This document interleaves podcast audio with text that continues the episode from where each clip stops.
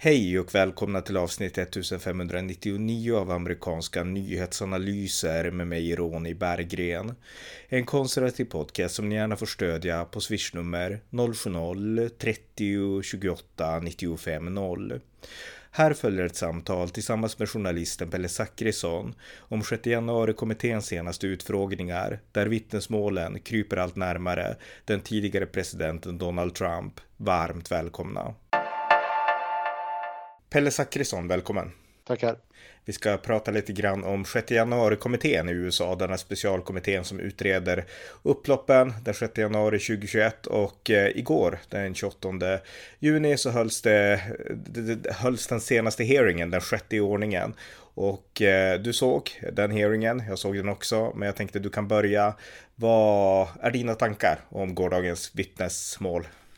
Ja, det var ju med Cassidy Hutchinson som var eh, assistent åt Mark Meadows som var stabschef under Donald Trump. Han, han bytte ut en del men Mark, Mark Meadows var den sista i raden då som var i samband med eh, stormningen av eh, Kapitolium.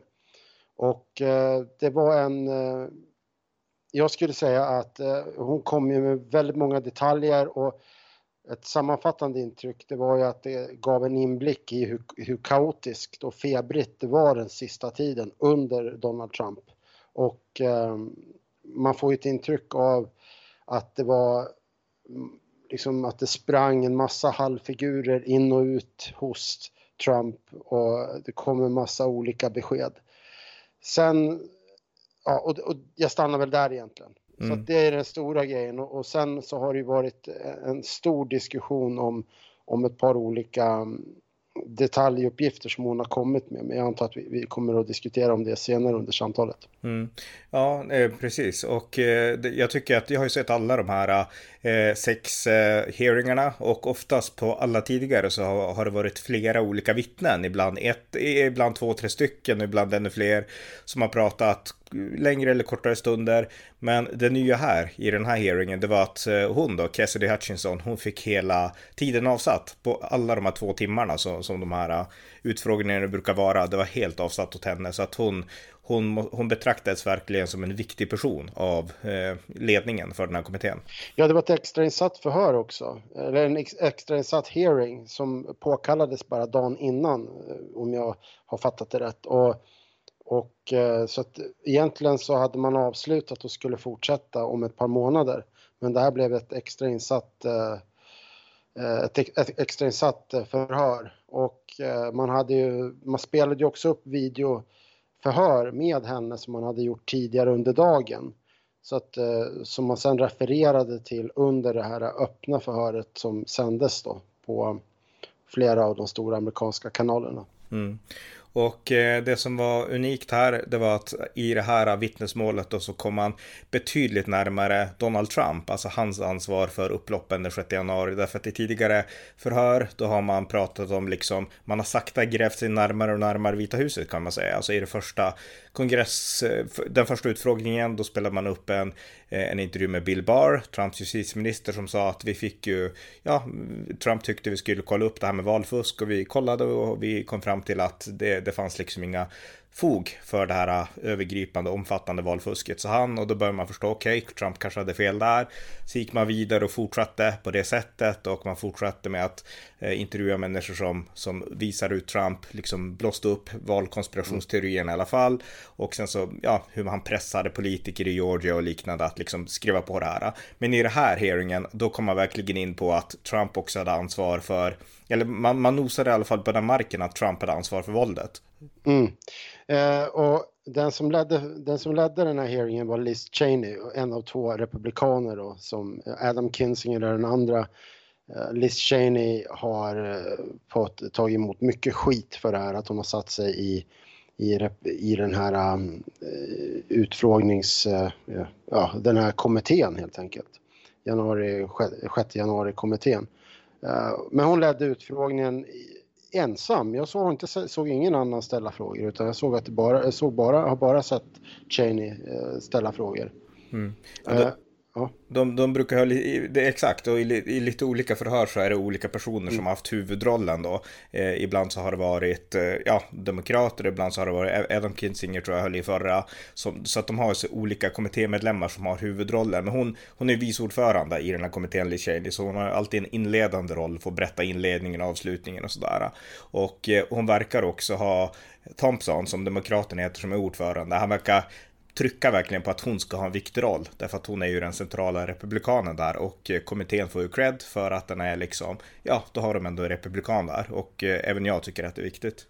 Ja, om, om vi ska gå in lite grann på de anklagelser som framfördes och de saker som var nya då, så är ju det, det som den stora snackisen som kom omedelbart i samband med förhören, det är ju att, eh, att Donald Trump i när han sitter i eh, presidentens bil som kallas för The Beast. Ehm, så, och i det här fallet så var det en, en SUV, en, en eh, stats, stadsjeep. Så ska han då ha eh, först ha försökt tagit, han ska ha beordrat Secret Service-agenter att köra till, till Kapitolium. De vägrade och han mot och, och, när de vägrade så försökte han ta ratten och när, de, när han inte lyckades med det så försökte han ta stryptag då på eh, om det var föraren.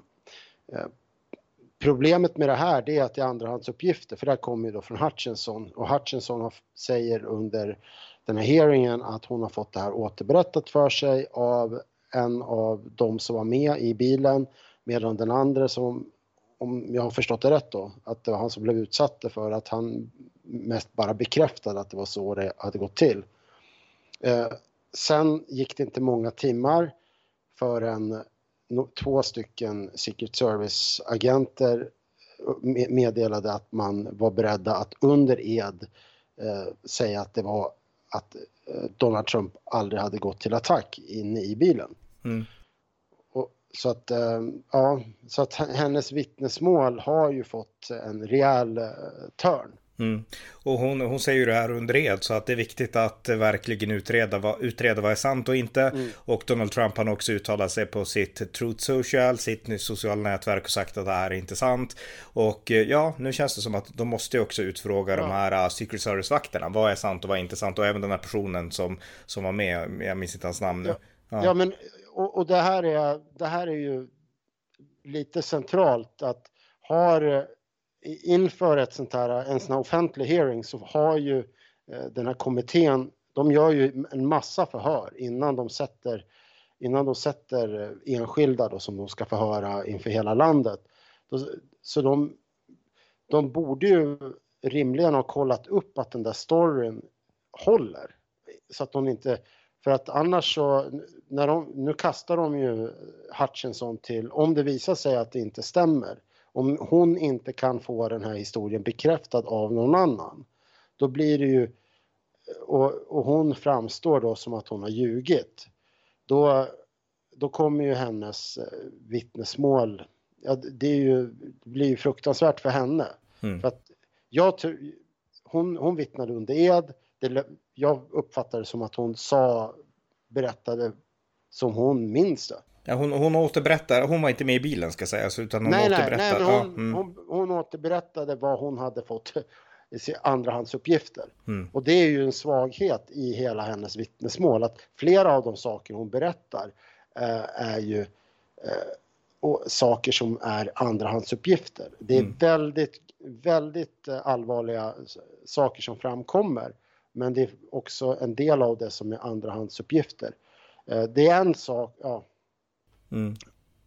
Jag vet inte om du har några tankar kring det här? Jo, jo, men jag håller med om det och det är därför det är viktigt att få de andra att vittna också. Men vi ska säga också att det här var, det här var en av sakerna som, för att bilden som framkom då, det var att Dels att Trump ville åka till Kapitolium efter att, att han hade hållit sitt tal då. Eh, men det var också det att han innan han skulle hålla sitt tal då var det inte tillräckligt många som kom in, alltså kom nära scenen där han stod. Därför att då hade Secret Service metalldetektorer mm. och de som gick in de vart avbeväpnade. Det var tydligen väldigt många som hade olika former av vapen. Somliga hade skjutvapen, AR-15 och andra hade liksom ja, alltså andra sp spjutspets och sådana saker och liknande. Och de vart avväpnade och det innebar att väldigt många ville inte gå in, för tydligen så var det väldigt många som hade saker med sig som skulle kunna användas som vapen. Och Trump var väldigt besviken på att han tyckte varför kan de inte bara ja, men, ta in dem i alla fall ungefär. Ja, för, de, för mm. de, och han hade då enligt hennes vittnesmål sagt att uh, they, they're, they're, not gonna, they're not gonna hurt me, alltså de, de kommer inte skada honom. Uh, och det... I, så, jag känner, vi känner ju uppenbarligen inte Donald Trump, vi har ju bara betraktat honom på avstånd, men men jag uppfattar honom som eh, en person med en extremt ego eh, och, och eh, väldigt hög, väldigt stark självbild och, och kanske narcissist. Och att han, för en tolkning som många verkar göra, det är att när han sa det där, att man, för han sa att man skulle släppa in dem ändå, alltså stänga av de här metalldetektorerna. Och att en, del, en tolkning då som en del gör, det är att han gjorde det för att han ville att folk skulle Eh, komma in så att de skulle kunna storma Kapitolium med vapen. Eh, jag tror att en, en rimligare tolkning är att Donald Trump är så eh, kär i sig själv att han tycker att det är viktigt att, att um, det kommer väldigt många att få vara nära honom. Mm. att han, alltså, jag tänker att uh, den enklaste, alltså det här Ockans rakblad, att det enklaste svaret är förmodligen uh, det sanna när, när det gäller Trump. Hans, han, han var ju väldigt eh, kränkt när, när det visade sig att det var färre som kom på hans eh, induc induction än det var på Barack Obama. Eh, det var, var, inte så många som dök upp. Och då menar jag att det, det, tyder på att det kanske inte handlar om att han ville få människor med vapen in så att de skulle kunna storma Kapitolium utan det enkla sanningen det var att han var, tyckte att det var alldeles för få som om, om, omgärdade honom. Han ville liksom framstå som den här mannen, folk, liksom folkets president. Mm. Jag, jag, håller med, det är viktigt att ta, ta, den, eh, ta det i akt. Därför att det som framträder här i eh, Cassidy Hutchinsons vittnesmål är att Trump är arg, han är upprörd, han är besviken. Och hon berättar också en annan incident om när han, hon gick ner till, till matsalen i Vita huset där Trump satt och pratade om det var med Mark Meadows. För hon skulle lämna en telefon till honom, någon som ringde. Och eh, då hör hon att, eller hon, hon ser att det är någon som håller på att torka upp där inne. Jag minns inte exakt nu, men hur som helst, kontentan var att Trump hade blivit så arg över liksom att saker inte hade gått hans väg och att han inte hade fått som han ville, att han kastade mattallriken i Vita huset ja. i väggen. Mm. Eh, så att hon tecknar en bild som eh, ändå visar på att en väldigt arg Trump och då är frågan hur långt ska man dra det här? För att jag menar alla kan nästan ana innan det här vittnesmålet att Trump har ett hett temperament, att han kan agera burdust och att han vill ha sin vilja fram. Men ska man dra det här till att han vill ha en statskupp? Det är det som är frågan. Och jag är inte alls, alltså jag är inte överbevisad om det än av det här vittnesmålet ska sägas. Men, ja, ja. men, men för att avsluta, men det här var ändå det vittnesmål som kom närmast hittills av alla att verkligen krypa in nära ovala rummet. Ja, och han, en, ett vittnesmål i samband med att han sitter i matsalen och det är återigen en andrahandsuppgift. Det är att det kommer två stycken assistenter därifrån och säger att uh, he, wa he wants Mike Pence to hang. Och uh, då är det ju återigen inte Hutchinson som själv hör Trump säga det här utan det är det är två andra assistenter som återberättar eller så pratar och hon hör dem säga det här att de står och liksom pratar sinsemellan. Och de är nog, det kan ju vara så att, att Trump, eller att han, att han förtjänar att hängas. Eh, och då kan det ju vara så här att Trump, att han uttrycker sig grovt som, alltså hur många gånger Trump har uttryckt sig grovt och olämpligt, det, det kan man ju liksom räkna upp. Men att man vet ju inte fortfarande om Trump verkligen har, det finns inget vittnesmål på att Trump har sagt att eh, Trump, eh, att Mike Pence borde hängas. Däremot tycker jag att vittnesmålet visar ju på att Trump inte backade upp sin vicepresident. Mm. Och, och, det är ju väldigt eh, graverande. Jag tycker nog att det är ju en sån här sak som man, man bör nog... Det kan ju vara så här att det, Trump har kanske inte gjort något olagligt, men är han, hur lämplig är han då som politisk ledare? Mm. Jag ska säga att det, det, var ett annat vittnesmål i en tidigare hearing också om just det här med att Trump hade sagt att han kanske förtjänar liksom att hängas då Mike Pence. Men, men återigen, handlar det om Trumps ord att han bara är som han är eller handlar det om liksom allvar? Och där så faller det ju lite grann linje på, alltså om man till de här, tillhör den här, alltså, de här kritikerna som hatar Trump, avskyr Trump, då vill man alltid tolka allt han säger illvilligt. Så, jag menar, jag försvarade ju Trump under en stor del av hans presidentskap och då var det ju väldigt många som agerade så hela tiden. Så fort Trump sa något, då försökte man alltid tolka det på värsta sätt. Man försökte aldrig förstå vad Trump faktiskt menade, vilket jag anser var ett misstag, att man inte sökte sanningen. Och eh, jag tror att de tendenserna finns här också. Men, men, men återigen, alltså det här kryper närmare ovalda rummet än någonsin och nu är ju frågan, alltså för de flesta som, som jag har sett som har bedömt det här, de anser att det som har kommit fram nu, om det här håller, det som har sagts, då skulle det kunna leda till någon slags, någon form kanske av liksom brottsligt åtal mot Trump. Ja, det skulle då handla hos Merrick Garland, eh, justitieministern eller Attorney General, eh, att han då skulle väcka någon form av indictment mot Trump. Eh, jag, jag tror inte, jag är helt, jag är rätt säker på att det finns ingenting som Merrick Garland hittar som skulle hålla för att, att fälla Donald Trump. Och bara en sån här sak som att han faktiskt sa i, i talet att nu ska vi gå ner det här talet som han höll samma dag, mm. då sa han att vi ska gå ner till Kapitolium. Fred, jag tror han, visst sa han fredligt ja. också? Ja, ja, det sa han. Ja, så att och, det, och, då, och, krit, och här, det är ett praktexempel på, för kritikerna de vill betona att han sa också fight like hell, liksom, och det sa han. Men betyder det att han menar skjut med vapen? Och det, jag bedö, har aldrig bedömt att han skulle mena det, utan det man kan tolka bokstavligt, det han sa, vi, ska, vi måste agera fredligt, för det sa han uttryckligen liksom. Så att det, att tolka, det är verkligen att göra en långsökt tolkning, att tolka det här fight like hell som att gå och skjuta ungefär.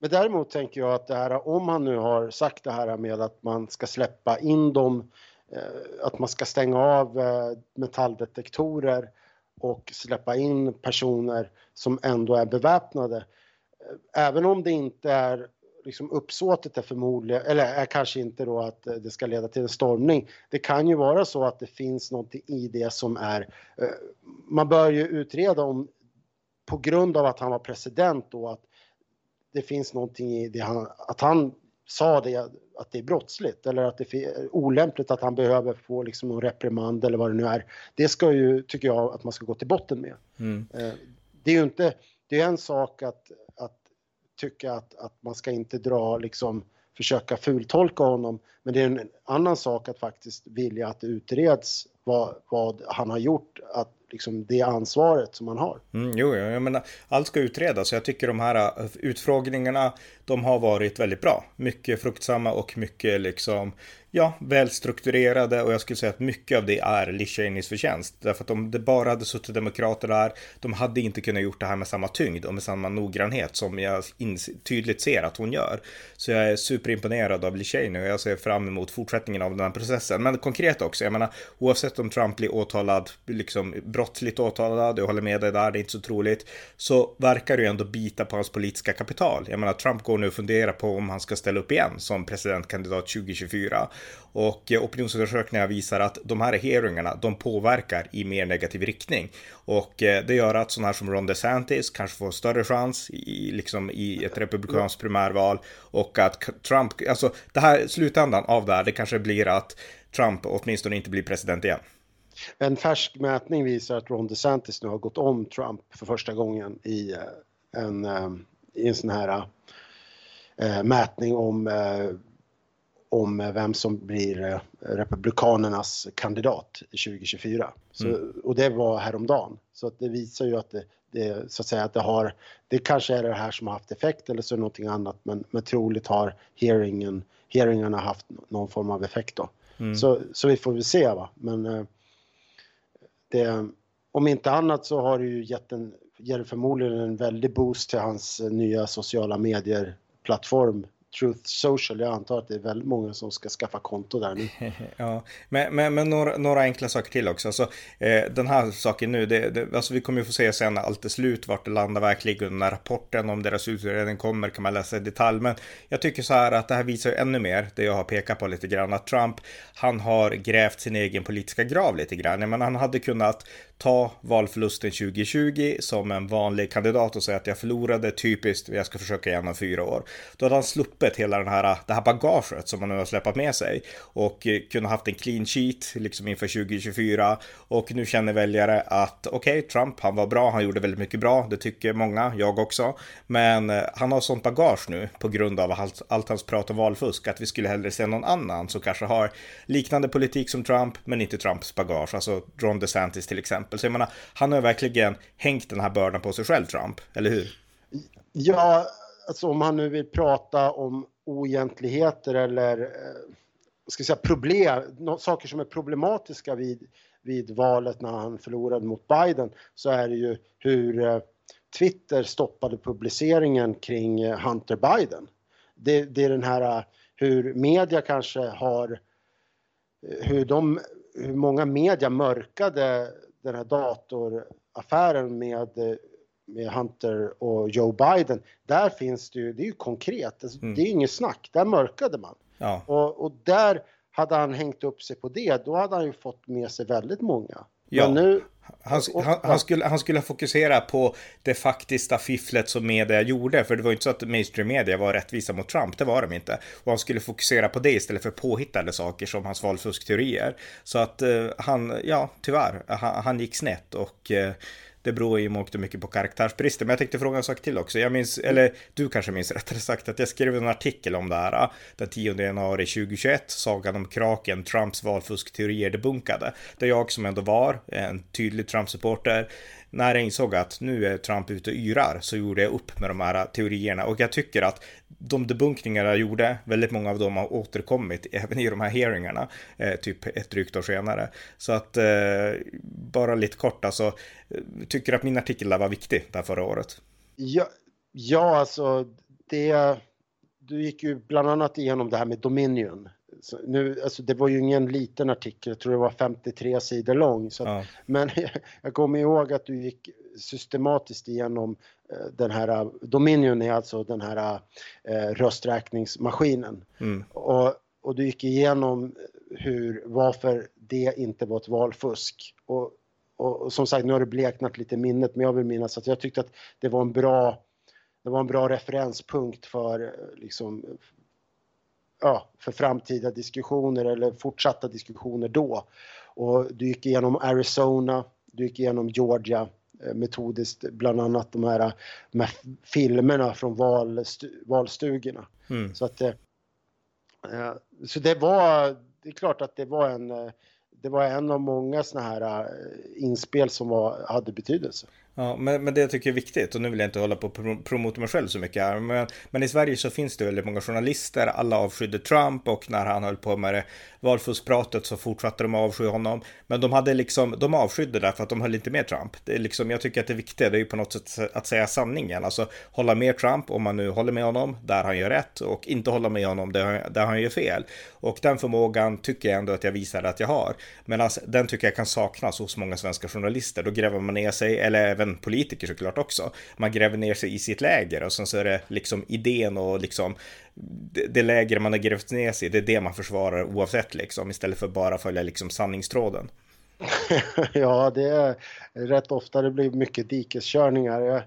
SVT hade ju Trump-tisdagar under när Karina Bergfeldt höll till och var USA-korre åt dem. Mm. Så det, ja, det är nivån liksom. Ja, och det var en katastrof verkligen, verkligen. För där var det ju bara alltså vinkla allt åt fel håll och sådär.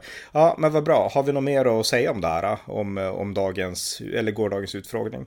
Ja, det är väl att det här eh, är en...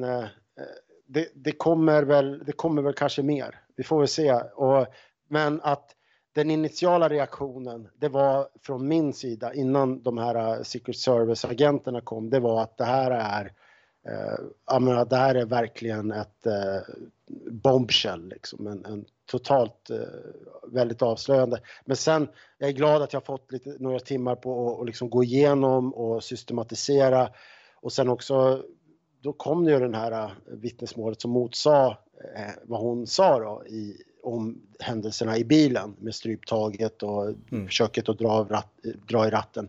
Så då har ju det Eh, gjort att hennes eh, vittnesmål är lite mer ifråga, ifrågasatt och, och, och det gör ju att fortsättningen blir väldigt intressant. Mm, verkligen. Och avslutningsvis, alltså de här, jag tycker att de här hearingarna är bättre än jag hade förväntat mig när jag började följa dem. Verkligen.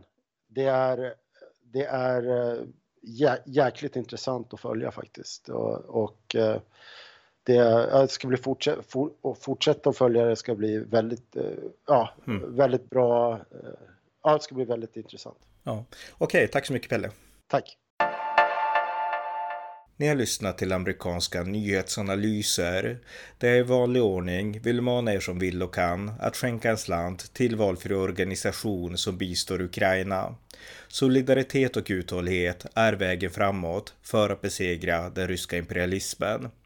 Men ni som vill kan fortfarande stödja amerikanska nyhetsanalyser på swishnummer 070-30 28 95 0. Det var allt för denna gång. Tack för att ni har lyssnat.